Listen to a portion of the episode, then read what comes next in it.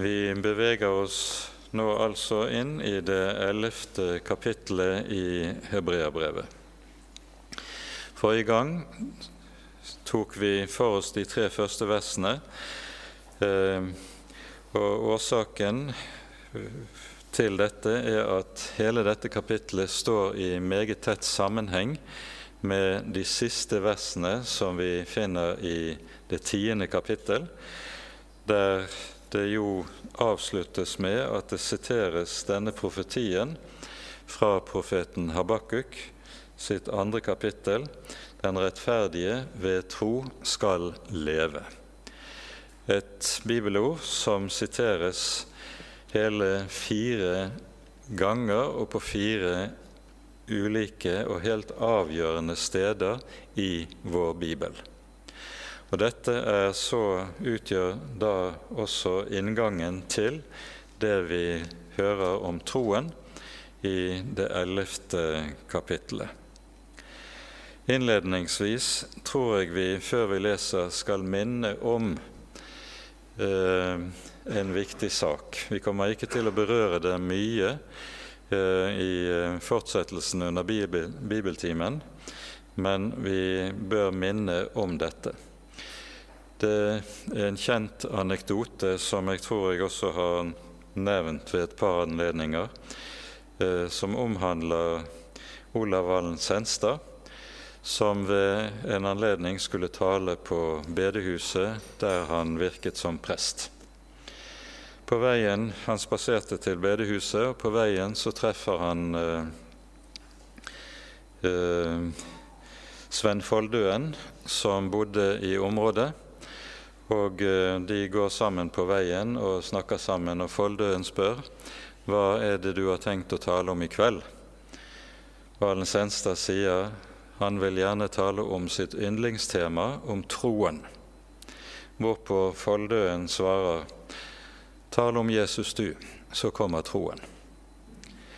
Det er meget treffende, for poenget med dette er jo nettopp dette at det er ordet om Jesus som skaper troen. Det er ordet om Jesus som skaper troen.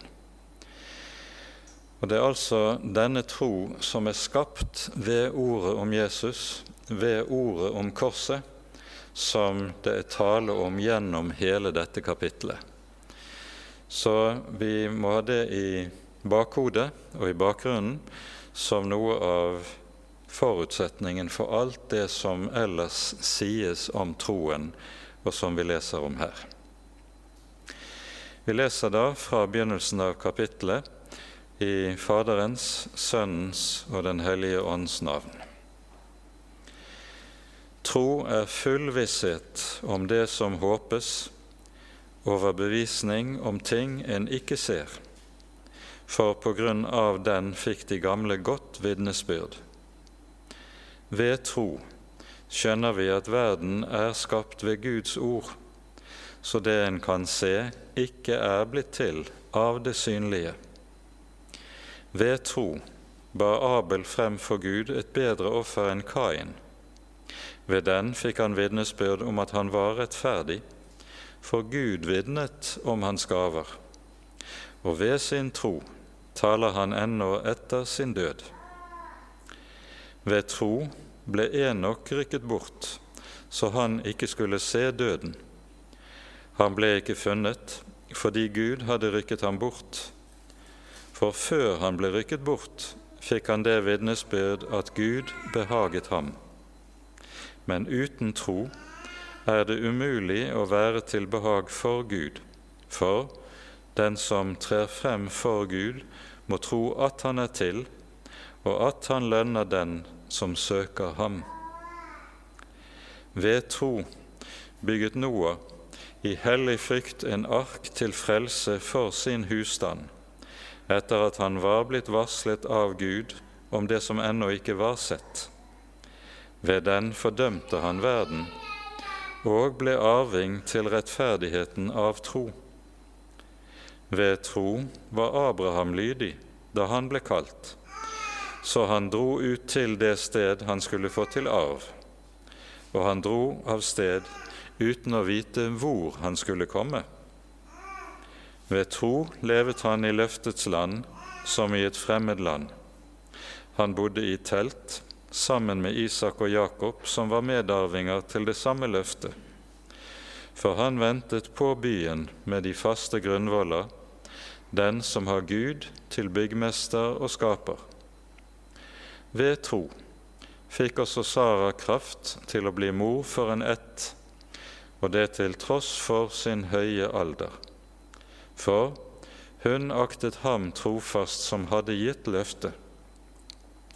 Derfor kom det også fra én, og det fra en utlevet, en slekt så tallrik som stjernene på himmelen, og som sanden ved havets bredd, som ikke kan telles. I tro døde alle disse, uten at de hadde oppnådd det som var lovt. Men de hadde sett det langt borte og hilste det, og de bekjente at de var fremmede og utlendinger på jorden. For de som sier slikt, gir derved til kjenne at de søker et fedreland. Hvis det var landet de dro ut fra de tenkte på, så hadde de hatt tid til å vende tilbake.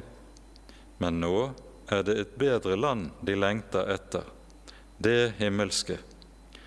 Derfor skammer ikke Gud seg over dem ved å bli kalt deres far, for han har gjort en by ferdig til dem. Ved tro bar Abraham frem Isak som offer da han ble satt på prøve. Ja, han som hadde fått løftene, bar frem sin enbårne sønn enda det var blitt sagt til ham, i Isak skal det nevnes deg en ett. Han tenkte at Gud også er mektig til å reise opp fra de døde, og han fikk ham også tilbake derfra som et forbilde. Og med det setter vi punktum så langt. Vi kommer til å fortsette i neste gang fra de neste versene. Vi gikk altså sist gang innom de tre første versene i kapittelet. Og vi skal ikke si veldig mye om det i kveld, men bare gjøre oppmerksom på ganske særlig det som sies i det tredje verset i denne sammenheng.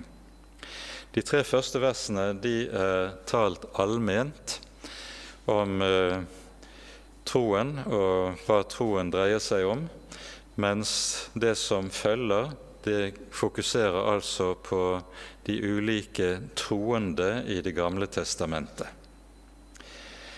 Men det som sies i vers 3, det er helt avgjørende, ikke minst med tanke på den problematikk som stadig er aktuell for oss i møte med moderne tenkning om skapelsen og ikke minst menneskets skapelse.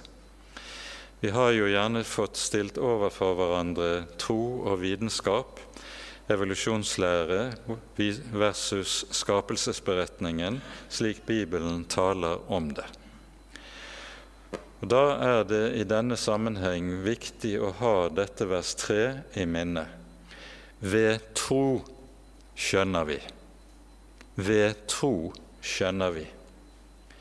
Uten troen kan et menneske ikke skjønne noe som helst om det som angår verdens skapelse. Og troen, den defineres av hva? Den defineres av Guds ord. Det som sies her i det tredje verset, er at verden er skapt ved Guds ord, slik at det en kan se, ikke er blitt til av det synlige. Guds ord er et skaperord, det er ordet som skaper virkelighet. Og Samtidig forstår vi av det som sies her, dermed er Guds ord også det ord som definerer virkeligheten og hva som er virkelig. Konkret innebærer det når vi hører det sies sånn som det gjør, ved tro skjønner vi, så innebærer det at troen er det som definerer vår virkelighetsforståelse. Og Her er det helt avgjørende å være klar over at de tre første kapitlene i vår bibel, Første Mosebok 1 og 2 om skapelsen, kapittel 3 om syndefallet, det er de tre kapitler som er avgjørende med tanke på kristen virkelighetsforståelse overhodet. Ser du bort fra dette, så vil en ikke ha en virkelighetsforståelse som kan forholde seg til Den hellige Skrift. Sammen med det er det også slik at disse tre kapitlene definerer for oss hvem mennesket er. Menneskets natur, menneskets eksistens, hvem Menneskets identitet, om en vil bruke det uttrykket, defineres også i disse tre kapitlene. Og Med dette står vi altså overfor noe av det som er et hovedproblem innenfor dagens eh, samfunnsdebatt, nemlig når man taler om det som kalles for identitetspolitikken. Bibelen er uhyre klar når den taler om hva et menneske er. Når Gud skaper mennesket, så skaper han mennesket i sitt bilde, lyder det i kapittel 1 i Første Mosebok, vers 26 og 27. Og så sies det 'til mann og kvinne skapte han dem'. Slik står det i våre bibeloversettelser. I grunnteksten står det 'til hannkjønn og hunnkjønn skapte han dem'. Og Poenget er altså at kjønnsidentiteten er noe som er gudskapt. Og Denne gudskapte kjønnsidentitet er noe som reflekteres i menneskets biologi. Vi er mann og kvinne, og biologisk, fysisk, er mann og kvinne forskjellige. En mann kan ikke føde barn. Så enkelt er det. Nettopp dette bryter hele dagens ideologiske debatt og tenkning med. Og Det er i mange sammenhenger blitt slik at det er blitt ulovlig å fremholde det som Bibelen sier om disse ting. Og Så blir spørsmålet skal vi la Den hellige skrift være det som definerer hvordan vi tenker, vår virkelighetsforståelse, vår forståelse av hvem mennesket er, eller er det noe annet som skal styre vår forståelse av disse ting? Dette som vi her er inne på, det brytes overalt i samfunnet i våre dager. Og ikke minst er det her helt avgjørende at våre barn lærer fra grunnen av hva Bibelen taler om og tenker om disse ting. Hvilket konkret betyr at kristne foreldre er nødt til å oppdra sine barn i strid med det barna får servert både i barnehage og skole, idet den offentlige skole har en undervisningsprogram som er styrt av Foreningen FRI, og som har en helt annen virkelighetsforståelse og et helt annet menneskesyn enn det Den hellige Skrift gir oss. Ved tro skjønner vi at verden er skapt ved Guds ord. Og dette å skjønne dette, det er at å la Guds ord og la Den hellige Skrift være det som styrer og definerer hvordan vi tenker, altså hele vår virkelighetsforståelse. Det er noe av dette som altså ligger i dette vers 3 i Hebreabrevet 11. Og det er altså helt grunnleggende at dette ikke mistes av syne. Dette vil føre til at en kommer i opposisjon til store deler av det som er samfunnsutviklingen og tenkningen i dagens samfunn, men sånn må det være. For den samfunnsutvikling som vi står overfor, er styrt av det som apostelen Paulus kaller lovløshetens hemmelighet. Og lovløshetens hemmelighet er det som bereder veien for den som kalles for den lovløse i Skriften, og som altså er et av navnene på antikristen, slik Bibelen tegner ham for oss.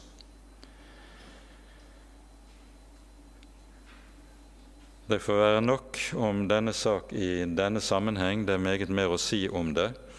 Men dette vers 3, som sammenfatter hele den bibelske virkelighetsforståelsen i en kort sum, det er et grunnord for oss i Skriften. Så går kapittel 11 videre til å ta for seg en rekke enkeltskikkelser i Det gamle testamentet, og vi skal se noe nærmere på hver enkelt av disse. Det begynner med beretningen om Kain og Abel. Ved tro bar Abel frem for Gud et bedre offer enn Kain. Ved den fikk han vitnesbyrd om at han var rettferdig. Han fikk vitnesbyrd på hvilken måte? Ved at, slik som vi leser det i kapittel 4 i Første Mosebok, Gud tok imot hans offer. Men Kains offer tok han ikke imot. Kain får ikke vitnesbyrd om tro. Har vært tallrike spekulasjoner oppover gjennom historien og teologihistorien rundt spørsmålet hva er årsaken til at Gud tar imot Abels offer, men ikke Kains offer.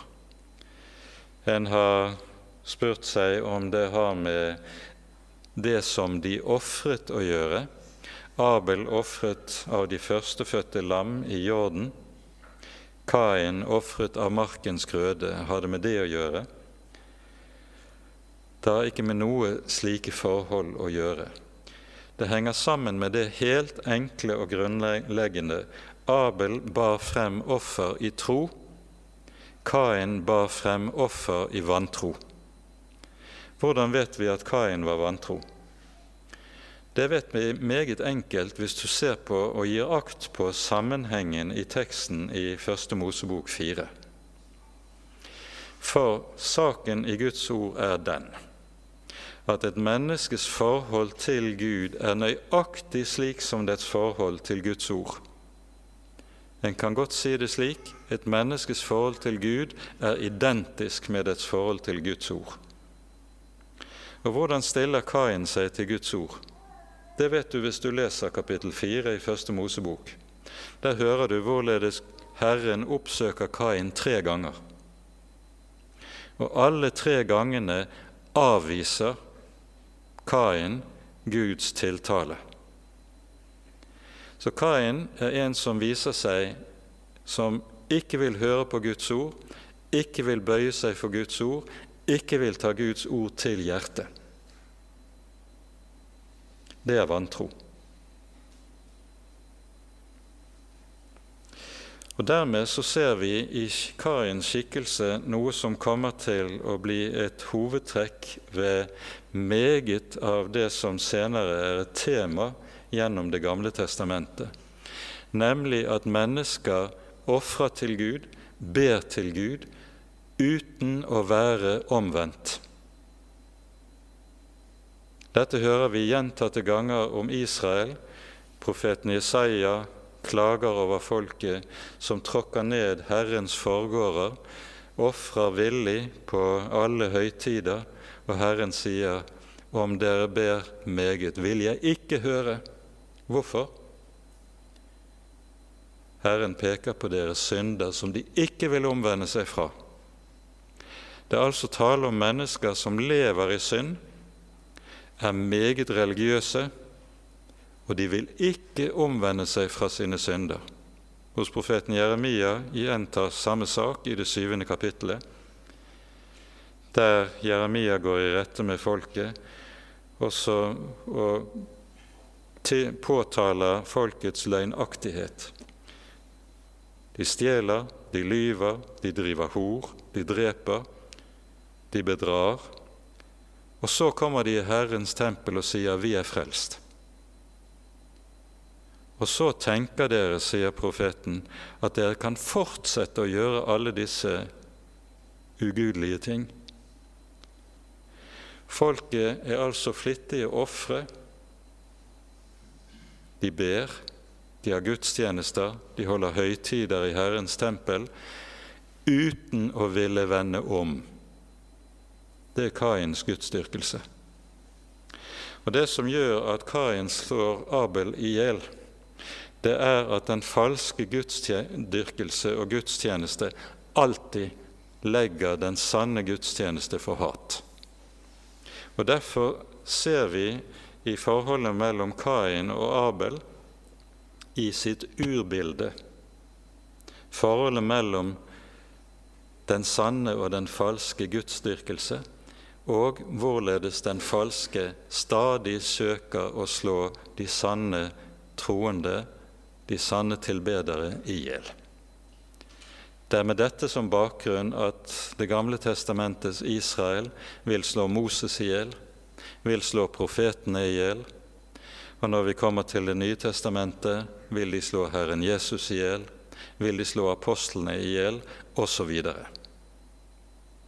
Den falske gudsdyrkelse hater alltid den sanne gudsdyrkelse som representerer åpenbaringen av den levende Gud. Beretningen om Kain og Abel er beretningen om dette i sitt urbilde i Skriften, og det er i kraft av dette utbildet, he, urbildet, hele den videre frelseshistorie utspinner seg. Fordi det vi ser hos Kain og Abel, det er realiseringen og virkeliggjøringen av domsordene som lyder over slangen i det foregående kapittel, i syndefallskapittelet.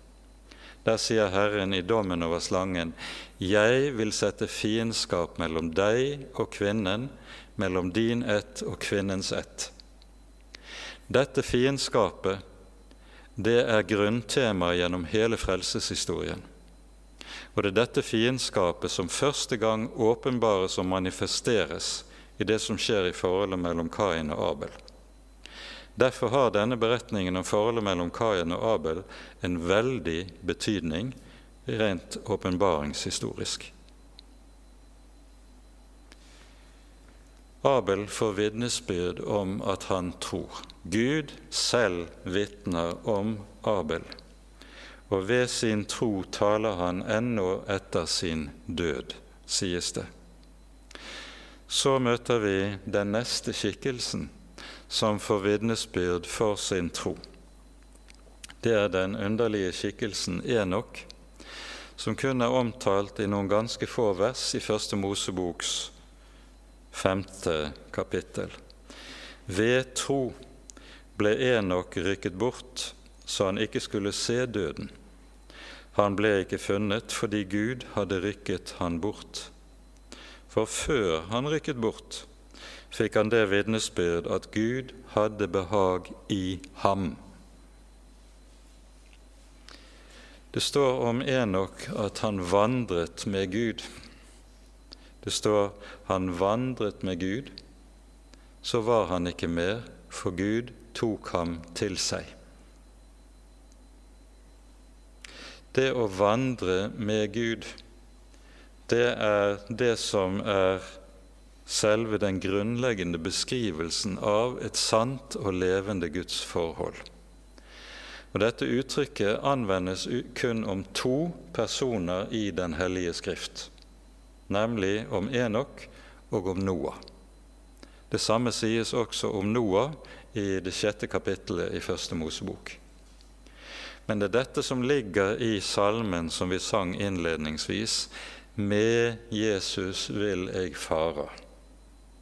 Her er det tale om en vandring lik den Enok levet i. Enok vandret med Gud. Bildet av dette er at du har to som vandrer sammen på veien, taler sammen i fortrolighet, og så sies det ikke én stavelse om hva Enok gjorde. Det sies intet om godt eller ondt som han gjorde. Det sies intet om hva han utrettet. Det sies kun dette ene. Han vandret med Gud. Om dette lyder det i Salme 25.: Herren har fortrolig samfunn med dem som frykter ham. Dette er Enok.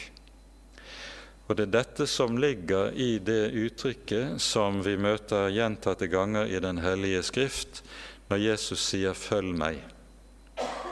Det er en invitasjon fra Jesus til å få lov til å være sammen med ham, vandre med ham like som Enok. Jesu ord 'følg meg' det mistydes i våre dager i lovisk retning, slik at Jesu etterfølgelse det handler om alt mulig som et menneske skal gjøre i Guds tjeneste. Ikke minst er det svært meget av den slags tale som lyder overfor unge mennesker som skal sendes på disippelskoler, der de skal lære å riktig å anstrenge seg for Jesu vegne. Dette er å legge unge mennesker inn under loven i stedet for under evangeliet. Det er dette som lyder når man arrangerer en sånn konferanse som heter The Send, og der slagordet er, handler om 'to go all in for Jesus'.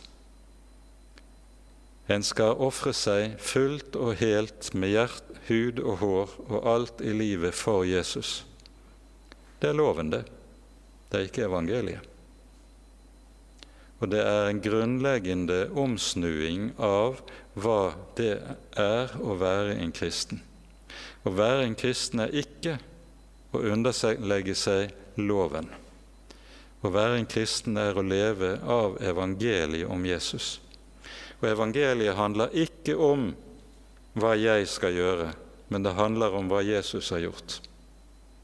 Evangeliet peker ikke på meg og sier 'du skal' og 'du skal ikke'. Evangeliet peker på Jesus og sier 'Han har gjort'.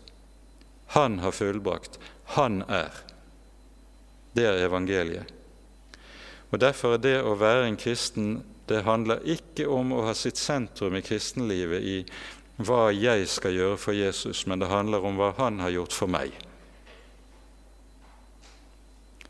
Derfor handler kristenlivet ikke om to go all in for Jesus, men å få lov til å vite og hvile i at Jesus har gått all in for meg når han døde på korset.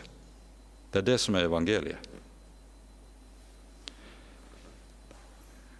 Det er en ulykke at det tales slik om disippelskap og disippeltrening og Kristi etterfølgelse i våre dager som vi ofte får høre det. For det innebærer en fremmedgjøring fra det som er det grunnleggende i evangeliet, slik Skriften lærer oss det. Og her er Enok noe av et forbilde.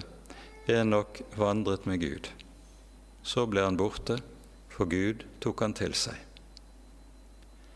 Det er å vandre med Jesus i et fortrolig samfunn, fordi i Jesu person har du møtt en som har gitt meg seg selv.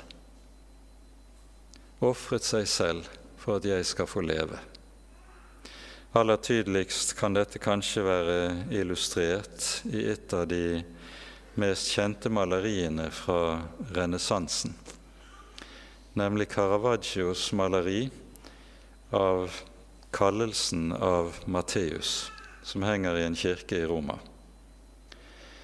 Her, sitter, her er Matteus tegnet som en tolleren som sitter ved et bord. Han sitter i mørket og teller penger. Du ser myntene glitre mellom fingrene hans. Og så kommer inn døren, så kommer Jesus. Han kommer inn med lyset, rekker ut hånden og kaller Matteus, som sitter der i mørket. Og så ser du Matteus' ansikt vendt til Jesus med et vantro uttrykk i ansiktet, og så peker han på seg selv. Mener du virkelig meg? Vil du virkelig ha meg i ditt følge? Vil du virkelig ha en sånn som meg i ditt følge? Det er det det ligger i ordene 'følg meg'. Det er en synder som får lov til å kalles inn i fortrolig samfunn med Jesus. Det er det ordene 'følg meg' betyr. Intet mindre og intet annet. Og Derfor må ikke disse ordene fordreies til å få et helt annet meningsinnhold enn det de har i Skriften. Tenk at han vil ha meg med i sitt følge. Hvilket under det er, når jeg vet hvem jeg selv er, når jeg vet hvor lite jeg selv er til å stole på, når jeg vet hvor meget det er av uhumskhet i mitt eget hjerte. Han vil likevel ha meg i sitt følge. Hvilket under det er. Som er Matteus, så meg. Som er Matteus, så deg. Du skal få vandre med ham som ga seg selv i ditt sted. I fortrolighet skal du få vandre. Dette er Enok. Han blir rykket bort, står det. Det er to personer i Det gamle testamentet som ikke dør. Det er Enok og profeten Elia. Disse to blir rykket bort. Og Deres bortrykkelse det er forbildet på det som Skriften sier skal skje i den siste tid når Jesus kommer tilbake for å hente sine. Da skal de som lever, og som enda ikke er døde og ligger i sin grav, da skal de som lever, rykkes opp i skyen for alltid å være sammen med Herren. Dette hører vi Skriften lærer oss meget tydelig. Så også i denne forstand er Enok et forbilde for oss. Og så følger det i det sjette verset uten tro er det umulig å være Gud til behag. For den som trer frem for Gud, må tro at han er til, og at han lønner dem som søker ham. Her er det viktig at vi ikke leser disse ordene i lys av moderne ateisme som sier det finnes ingen Gud, og i motsetning til dette tror vi at det finnes en Gud. Alle ulike religiøse avskygninger tror at det er en Gud. Så det er ikke Guds tro i ordets allmenne forstand det menes her. Det det siktes til, er at den Gud som Bibelen forkynner for oss, han er til, og at han er den eneste Gud. Det er den tro det taler om og det sikter til i denne sammenheng, og at han lønner dem som søker ham. Jesus har sagt, 'Be, så skal du få'. Søk, så skal du finne. Bank på, så skal det lukkes opp for deg. Det er det løftet han har gitt hver den som kommer til ham med sin fattigdom, roper på ham, påkaller ham i sin trang og i sin nød. Han har lovet at du skal ikke bli uten svar. Så følger vers 7, der det taler om Noah. Ved tro bygget Noah i hellig frykt en ark til frelse for sin husstand, etter at han var varslet av Gud om det som ennå ikke var sett. Vi hører i eh, Første Mosebok sjette kapittel at det sies at menneskets dager skal være 120 år. Herren kommer til Noah, gir han befaling om byggingen av arken når han er 480 år gammel. Når Noah er 600 år gammel, kommer syndfloden, kommer verdensdommen. Så det at det sies at menneskets dager skal være 120 år, det sikter ikke til det som er maksimal levealder for mennesker, selv om vi vet at dette er absolutt maksimalt antagelig i dagens verden. Men det sikter til den nådetid som var mellom det tidspunkt der Herren gir Noah befaling om å starte byggingen av arken, og det tidspunkt der syndfloden bryter frem. Menneskets tid er 120 år. I tro varsles han bygger han, varslet av Gud, om det som ennå ikke var sett. Underlig å tenke på hva slags liv Noah må ha ført i disse 120 årene. Hva mennesker må ha tenkt av han, hvorledes de må ha spottet ham, gjort narr av han, ledd av han. Og alt dette må sannelig også ha vært noe av både en prøvelse og en fristelse til å gi opp det hele. Dette er jo helt absurd prosjekt jeg er i gang med. Men han fortsetter. Han har fått Guds ord, og på det er det han arbeider som han gjør. Ved den ved arken fordømte han verden og ble arving til rettferdigheten av tro. Og Det arken og Noas bygging av arken er forbildet på, det er byggingen på av den kristne kirke.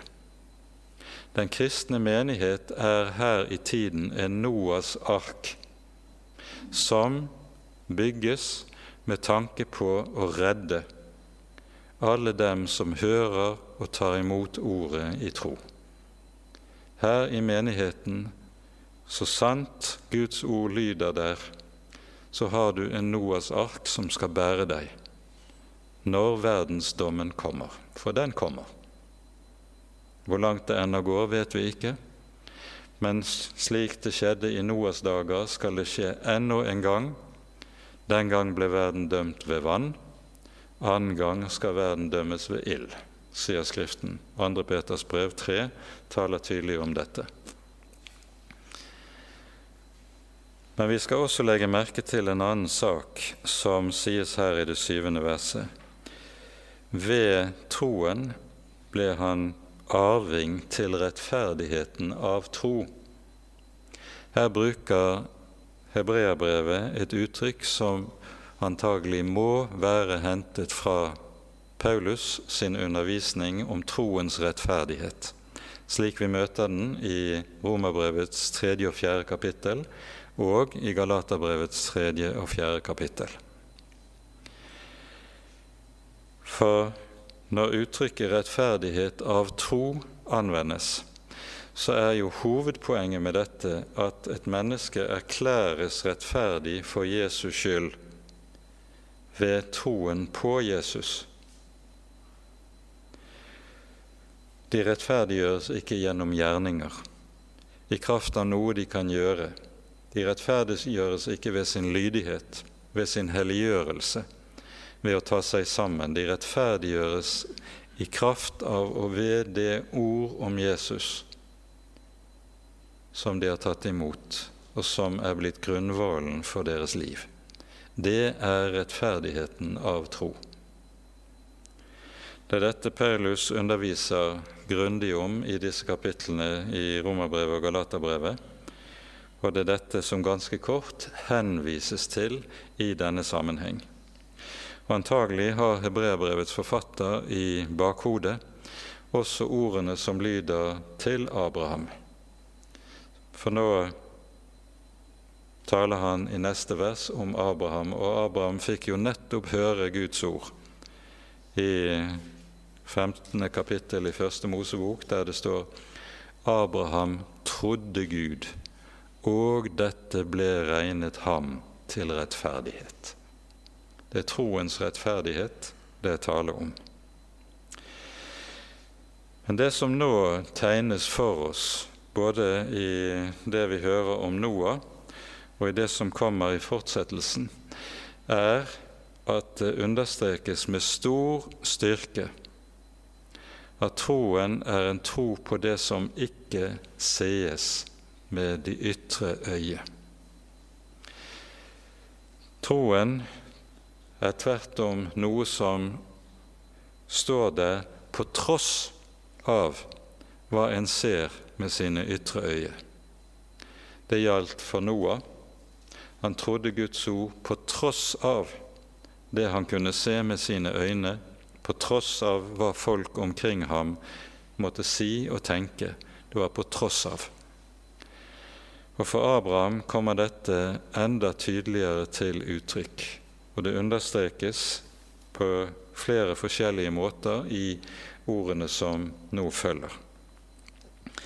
Ved tro var Abraham lydig da han ble kalt, så han dro ut til det sted han skulle få til arv, og han dro av sted uten å vite hvor han skulle komme.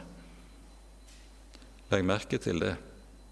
Her er det ordenes, minnes vi om ordene i Første Mosebok 12, der Herren kommer til Abraham og sier:" Dra bort fra ditt land, fra ditt folk og fra din fars hus, til det land jeg vil vise deg.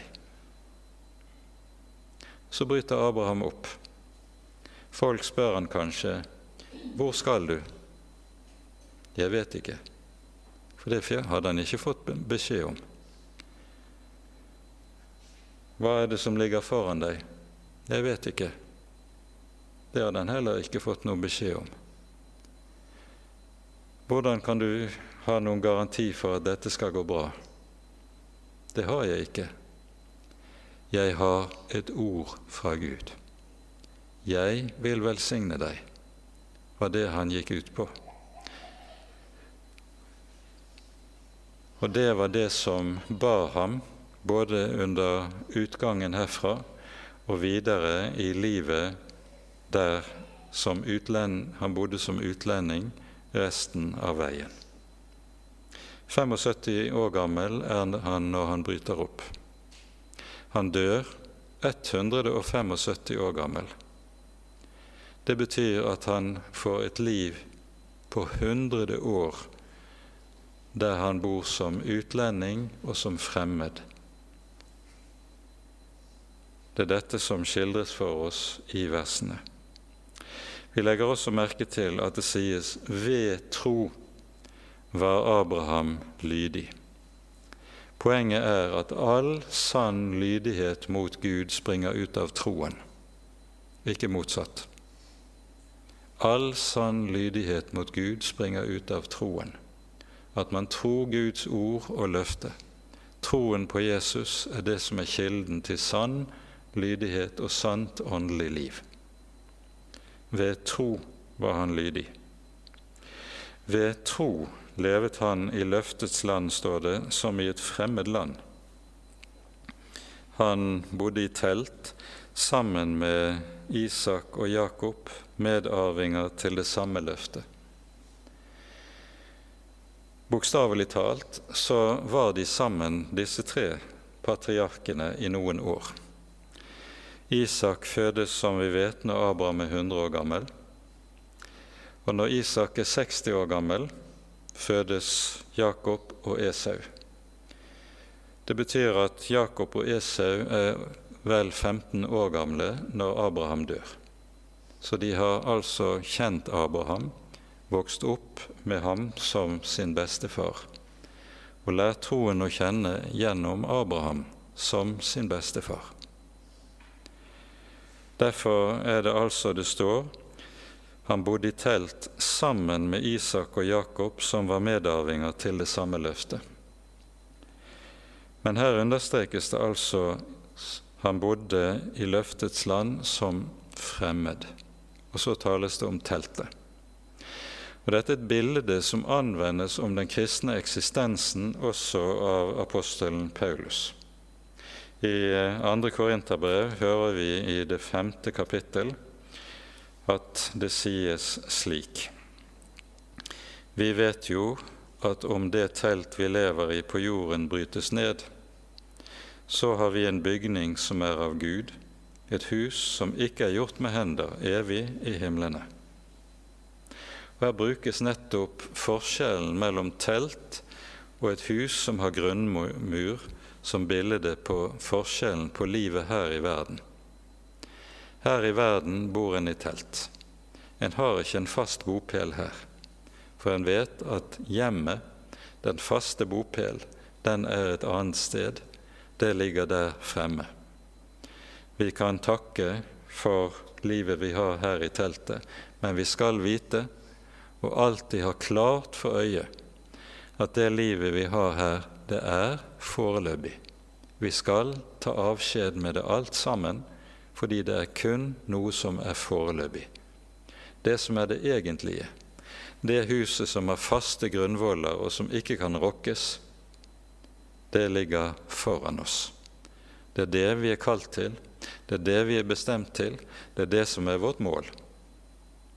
Det er det Jesus taler om at når han i avskjedstalen i Johannesevangeliet 14 sier 'Jeg går bort for å gjøre i stand sted for dere'.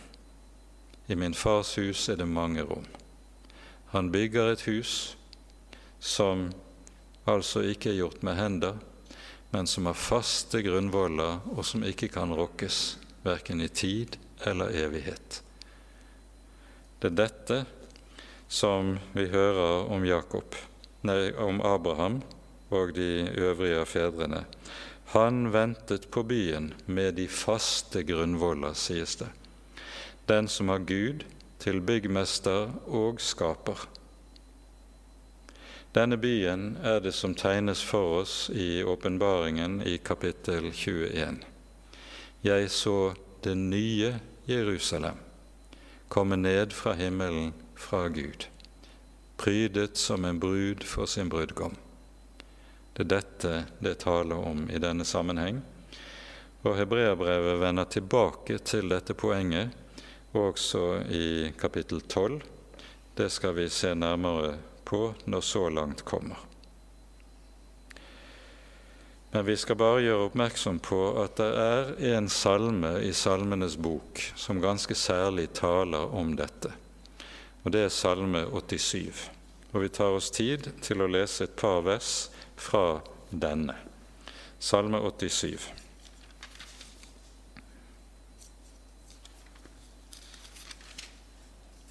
Det er en salme av Koras barn, og det sies her i innledningen Den by han har grunnfestet, står på de hellige fjell. Herren elsker Sions porter fremfor alle Jakobs boliger. Herlige ting er sagt om deg, du Guds by. Sela.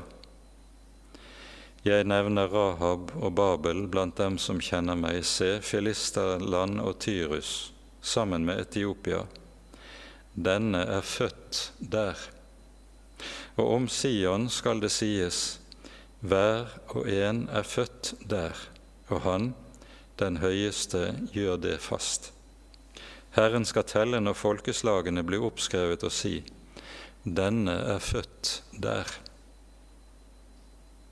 Her er det altså tale om den hellige byen som kalles Sion, og som blir den by der folkeslagene skal innskrives med full borgerrett. Dette gjelder ikke det jordiske Jerusalem. Dette gjelder det Sion, det Jerusalem, som er lovet oss, og som ligger foran. Og Gud skal altså telle når folkeslagene blir oppskrevet, og se denne, er denne oppskrevet som borger i byen, eller er han det ikke? Denne oppskrevingen den skjer i den bok som kalles for Livets bok i Skriften.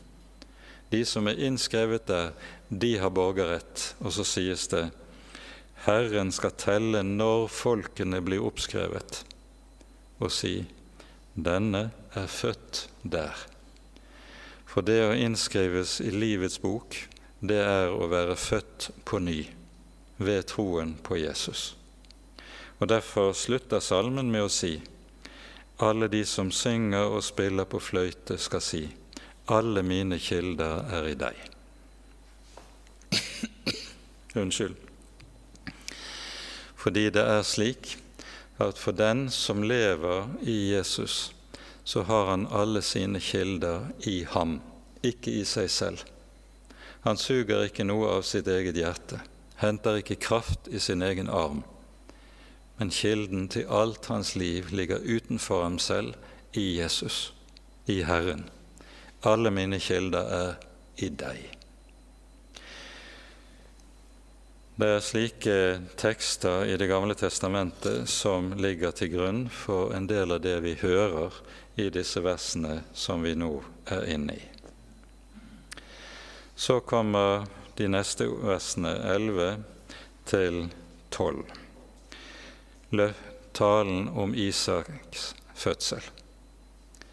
Ved tro fikk Sara kraft til å bli mor til en ett til tross for sin høye alder, for hun aktet ham trofast som hadde gitt løftet. Derfor kom det også fra en, og det fra en utlevd, en slekt så tallrik som stjernene på himmelen og sanden ved havets bredd. Dere husker historien. Når Abraham er 99 år gammel, Sara 89, kommer Herren på gjesting til de to gamle og sier ved denne tid neste år skal Sara ha en sønn. Da ler Sara. Da ler Abraham, fordi de vet dette er jo umulig. Paulus skriver om Sara hun hadde det ikke lenger på kvinners vis. Den naturlige månedlige syklus var opphevet og avsluttet for lengst, så hun manglet forutsetningen for rent fysisk, biologisk, for å kunne få barn. Og Det samme gjaldt Abraham, så gammel som han var. Det sies i Romane 4. Abraham, uten å miste sin tro, så han på sitt eget legeme som var utlevd og trodde at han som hadde gitt løftet, var trofast.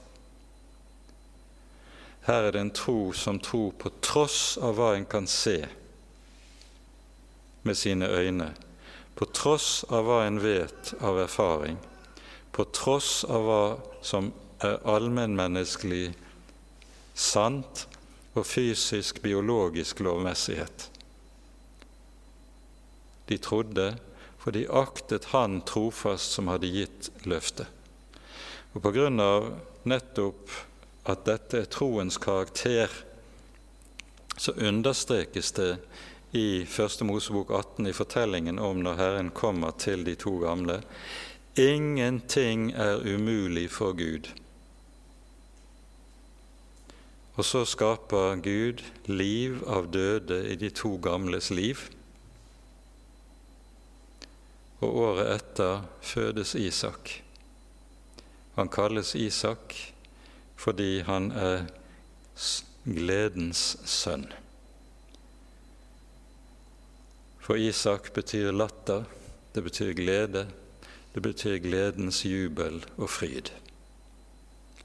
Det er navnet, og så er Isak blitt en realitet. Ingenting er umulig for Gud. Det samme ordet lyder igjen i forbindelse med Jesu fødsel og budskapet til Maria, slik vi leser det i Lukasevangeliets første kapittel. Ingenting er umulig for Gud.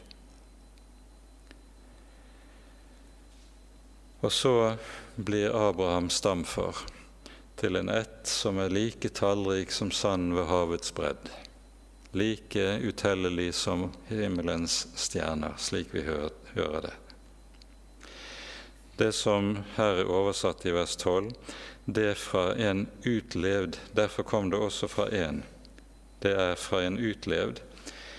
Der brukes det et ord i grunnteksten som betyr en som er så godt som død.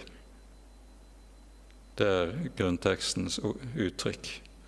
For Isaks fødsel er nettopp dette. Det er liv av døde i de to gamles utdødde liv. I tro døde alle disse uten å ha oppnådd det som var lovt, men de hadde sett det langt borte og hilste det og bekjente at de var fremmede og utlendinger på jorden. Og dette er og blir Guds folks vilkår her i verden. Vi er fremmede og utlendinger fordi det gjelder for om Guds folk her i verden det som Jesus sier meget tydelig flere ganger i sin undervisning. Har de hatet meg, skal de hate dere. Var dere av verden, da ville verden elske sitt eget. Men fordi dere ikke er av verden, derfor hater verden dere. og så er dere fremmede og utlendinger. Det er den kristne menighets kår, det er Guds folks kår så lenge vi er her i verden. Teksten vi har lest, slutter med beretningen om Abrahams ofring av Isak. Ved tro ofret Abraham Isak da han ble satt på prøve, sies det. Ja, han som hadde fått løftene, bar frem sin enbårne sønn, enda det var sagt til ham, i Isak skal det nevnes deg en ett. Han tenkte at Gud også er mektig til å reise opp fra de døde, og fikk ham også tilbake derfra, like som et forbilde. Abrahams tro bar ham mens han årene gikk det ene etter det andre, og han ikke så det ringeste tegn på at Gud ville oppfylle løftet om en sønn. Og når det var blitt helt umulig at løftet kunne oppfylles menneskelig talt, da kom Gud, oppfylte løftet sitt og ga Abraham og Sara sønnen Isak. Når det menneskelig talt var umulig, da kom Gud. Og Det samme gjelder dette som er det egentlige punktum i beretningen om Abraham i Den hellige skrift, beretningen om ofringen av Isak. Her er det også tale om noe som menneskelig talt er umulig. Abraham befales om å ofre han som var løftets sønn. Det er som om Gud likesom tar tilbake det løftet han har gitt Abraham når han får befaling om dette offer. Og Da står Abraham overfor denne prøve. Står Gud ved sitt løfte, selv om det ser ut til at han tar det tilbake, eller ikke?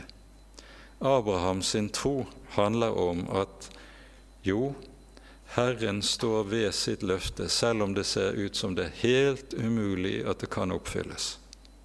Dette er den troskamp og anfektelse som Abraham har måttet være inne i i forbindelse med denne befaling. Og så fikk han ham tilbake. Han tenkte at Gud er mektig til å reise ham opp fra de døde.